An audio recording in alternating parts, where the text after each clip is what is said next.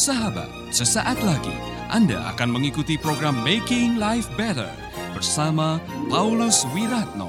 Selama 15 menit ke depan, Anda akan belajar membuat kehidupan lebih baik.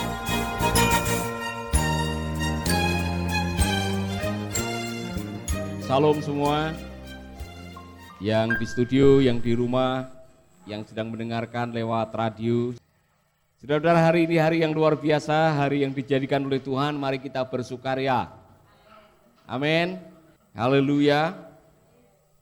Ada orang-orang yang mengalami mujizat. Amin. Baik saudara-saudara kami mau melanjutkan seri di dalam ibadah yang sejati, hidup yang dipersembahkan. Saya mengulangi uh, topik ini karena ini menjadi pewahyuan. Barangkali suatu saat akan menjadi buku, hidup yang dipersembahkan. Saya terinspirasi waktu membaca kembali Roma pasal 12. Tapi sebelum itu saudara-saudara, Facebook page-nya Pak Paulus Wiratno sudah bisa mendapat bintang dan ada uh, saudara-saudara yang subscription, membayar subscription. Nah, saudara-saudara yang mau mensupport pelayanan Making Life Better sekarang, saudara cukup beli bintang dan saudara sudah bisa menopang pelayanan Making Life Better. Jadi saudara di mana pun juga saya lihat tadi ada yang sudah mulai kasih bintang. Karena dengan membayar bintang, saudara sedang mensupport pelayanan Making Life Better. Jadi saya mengatakan thank you very much for Facebook, khususnya untuk Facebook yang sudah mengundang kami atau memberikan fasilitas di mana orang bisa berlengganan untuk mendengarkan Making Life Better di Facebook dan orang bisa langsung mensupport. Tidak perlu bayar uh, pakai rekening, langsung saudara bisa klik bintang, saudara mau support berapa bila terserah. Ada yang 16 ribu, ada yang 25 ribu, ada yang uh, 30 ribu, sampai 200 ribu ada di situ. Jadi saya mau mengucapkan terima kasih. Jadi kalau saya mengatakan saatnya kita akan uh, mengambil persembahan, saudara cukup kasih bintang kepada saya. Itu luar biasa. Salut kepada Facebook yang luar biasa, uh, fasilitasnya luar biasa, banyak sekali orang yang uh, diberkati melalui pelayanan ini. Baik, semua bilang 12.15. Sekali lagi, 12.15. Bersukacitalah dengan orang yang bersukacita dan menangislah dengan orang yang menangis. Hendaklah kamu sehati sepikir dalam hidupmu bersama, janganlah kamu memikirkan perkara-perkara yang tinggi, tetapi arahkanlah dirimu kepada perkara-perkara yang sederhana. Janganlah menganggap dirimu pandai, janganlah membalas kejahatan dengan kejahatan, lakukanlah apa yang baik bagi semua orang. Sedapat-dapatnya kalau hal itu bergantung padamu, hiduplah dalam perdamaian dengan semua orang. Saudara-saudaraku yang kekasih, Janganlah kamu sendiri menuntut pembalasan, tetapi berilah tempat kepada murka Allah sebab ada tertulis pembalasan itu adalah hakku. Akulah yang akan menuntut pembalasan, firman Tuhan. Tetapi jika seterumu lapar, berilah dia makan. Jika ia haus, berilah dia minum. Dengan berbuat demikian, kamu menumpukkan bara api di atas kepalanya. Janganlah kamu kalah terhadap kejahatan, tetapi kalahkanlah kejahatan dengan kebaikan. Amin. Ayat ini semua yang tertulis di dalam Roma pasal 12 ayat 1 sampai ayat yang ke-20 adalah penjelasan tentang apa itu persembahan yang hidup. Jadi yang diminta oleh Tuhan di sini, saudara-saudara, Rasul Paulus menggunakan sebuah uh, ilustrasi dari perjanjian lama dulu, ketaatan saudara dibuktikan dari persembahan saudara. Maka kalau saudara membaca dalam perjanjian lama, ada persembahan macam-macam saudara-saudara. Saudara bisa membawa domba, membawa lembu, membawa burung dara, membawa tepung sebagai persembahan. Setiap hari raya, setiap ada masalah, ketika Anda jatuh dalam dosa, tiap hari Anda harus memikirkan persembahan, persembahan, persembahan. Tetapi dalam konsep perjanjian lam, uh, perjanjian baru, saudara tidak perlu lagi karena sudah ada satu orang yang dipersembahkan yaitu Yesus. Sekali untuk selama-lamanya dia menjadi korban atas kesalahan, dosa dan kehidupan kita. Nah, sekarang gantian Rasul Paulus menuntut sekarang kamu Tidak perlu lagi membawa persembahan seperti dulu, tapi persembahkanlah hidupmu. Bukan binatang, bukan duit, bukan yang lain-lain. Persembahkanlah tubuhmu sebagai persembahan yang hidup dan berkenan kepada Allah karena itulah ibadahmu yang sejati. Amin. Saudara-saudara, Bagaimana caranya kita bisa mempersembahkan persembahan hidup kita sebagai ibadah yang sejati mulai dari pembaharuan pikiran. Anda tidak bisa hidupmu menjadi persembahan tanpa membaharui pikiran. Maka di ayat ini dikatakan berubahlah oleh pembaharuan budimu. Janganlah kamu menjadi serupa dengan dunia ini, tetapi berubahlah oleh pembaharuan budimu sehingga kamu dapat membedakan manakah kehendak Allah, apa yang baik, apa yang berkenan kepada Allah dan yang sempurna. Perhatikan ayat ini. Awal dari persembahan hidup saudara kepada Tuhan adalah mengenali mana yang baik, mana yang tidak baik. Mana yang berkenan, mana yang tidak berkenan. Hidup macam apa yang akan dipertimbangkan sebagai persembahan sejati di hadapan Tuhan. Hidup yang dilandasi oleh pembaharuan pikiran. Anda masih bersama Paulus Wiratno di Making Life Better.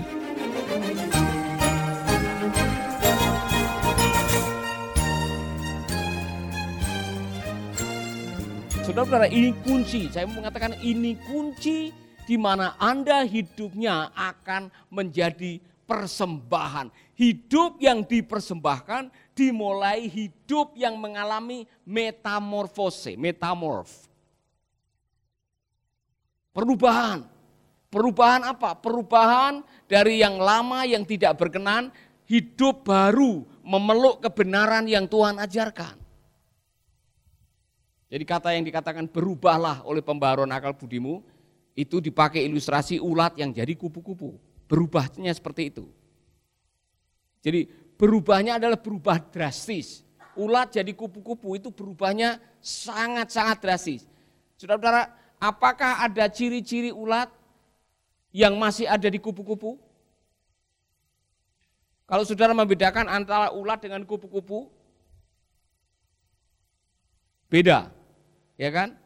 Beda. Jadi ketika hidupmu sudah mengalami pembaharuan pikiran, dengan memiliki pikiran dan perasaan Kristus, hidup saudara akan jadi berubah. Saudara sendiri bisa jadi heran dengan hidup saudara. Pak, dulu saya ini tukang rokok. Ada yang pernah mengatakan begitu. Kok tiba-tiba waktu saya percaya kepada Yesus, saya benci dengan rokok. Iya kan? Saya dulu pemabuk, Pak. Setelah saya percaya Yesus, saya tiba-tiba tidak ada gairah untuk minum minum lagi. Kok saya dulu ini adalah uh, tukang selingkuh Pak. Setelah saya bertobat datang kepada Tuhan, tiba-tiba dengar kata selingkuh aja perut saya mual. Saudara boleh ketawa, tapi ada orang yang mengatakan begitu. Dulu saya melakukan dosa ini, dosa itu, pokoknya tiap hari melakukan dosa. Setelah dia percaya kepada Yesus tiba-tiba gairah untuk melakukan dosa itu sudah tidak seperti dulu lagi atau sudah berubah. Itulah yang namanya perubahan akal budi. Jadi saudara-saudara, saya harus mengatakan ini kepada saudara-saudara. Awal dari kehidupan yang dipersembahkan adalah perubahan cara berpikir. Sebelum Anda mengubah cara berpikir, saudara tidak akan mengubah kehidupan saudara. Amin. Amin. Sudah berubah? Sudah berubah? Ada yang bertanya di Facebook, Bagaimana saya bisa berubah Pak? Rasanya sulit, saya sudah coba berkali-kali. Saudara-saudara saya mengatakan, Anda bisa berubah, ada kabar baik. Waktu firman Allah mengatakan, berubahlah semua yang menjadi perintah Allah bisa dikerjakan. Allah memerintahkan karena Allah tahu engkau bisa melakukan.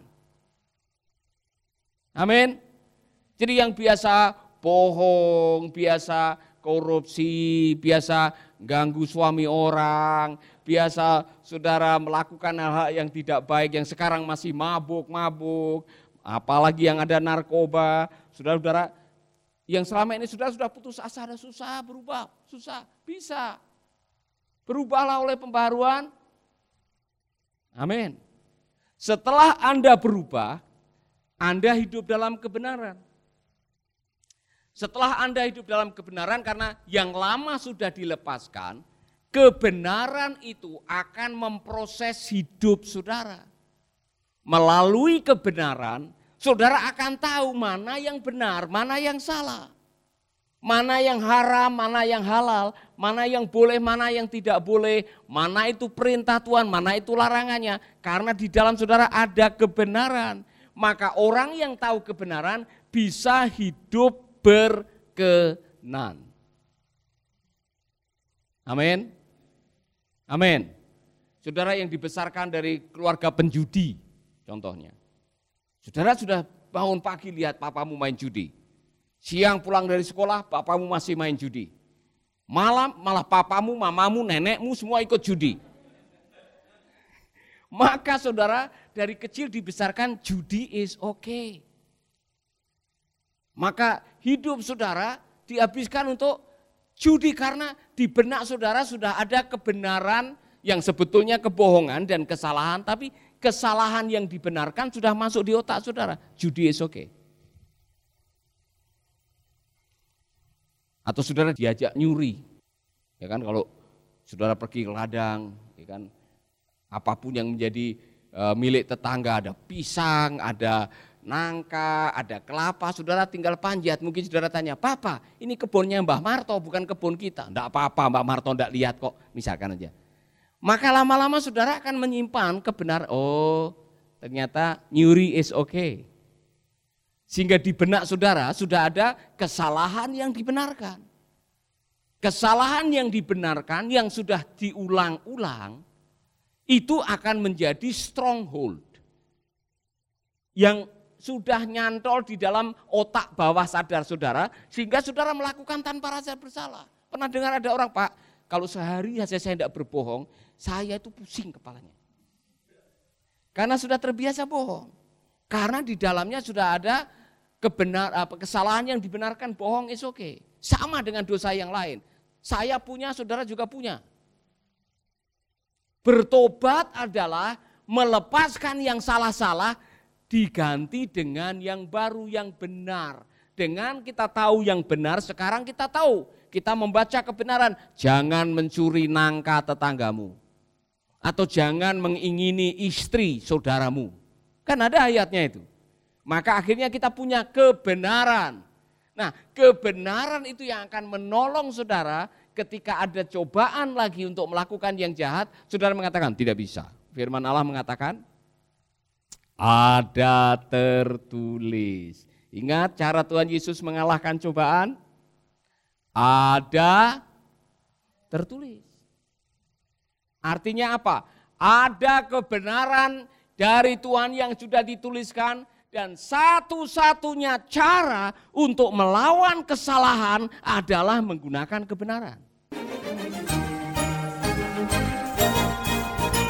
Sahabat, Anda baru saja mendengarkan Making Life Better bersama Paulus Wiratno. Jika Anda diberkati, kirimkan kesaksian Anda ke Radio Dian Mandiri, Jalan Intan LC2, Gang 4, Nomor 1, Denpasar, Bali Kunjungi website kami di pauluswiratno.com, Facebook Paulus Wiratno. Hubungi kami di 0811 3901 144 dan 0811 3901 140. Sekali lagi 0811 3901 144 dan 0811 3901 140. Anda juga bisa mendengarkan program Making Life Better ini melalui handphone Anda.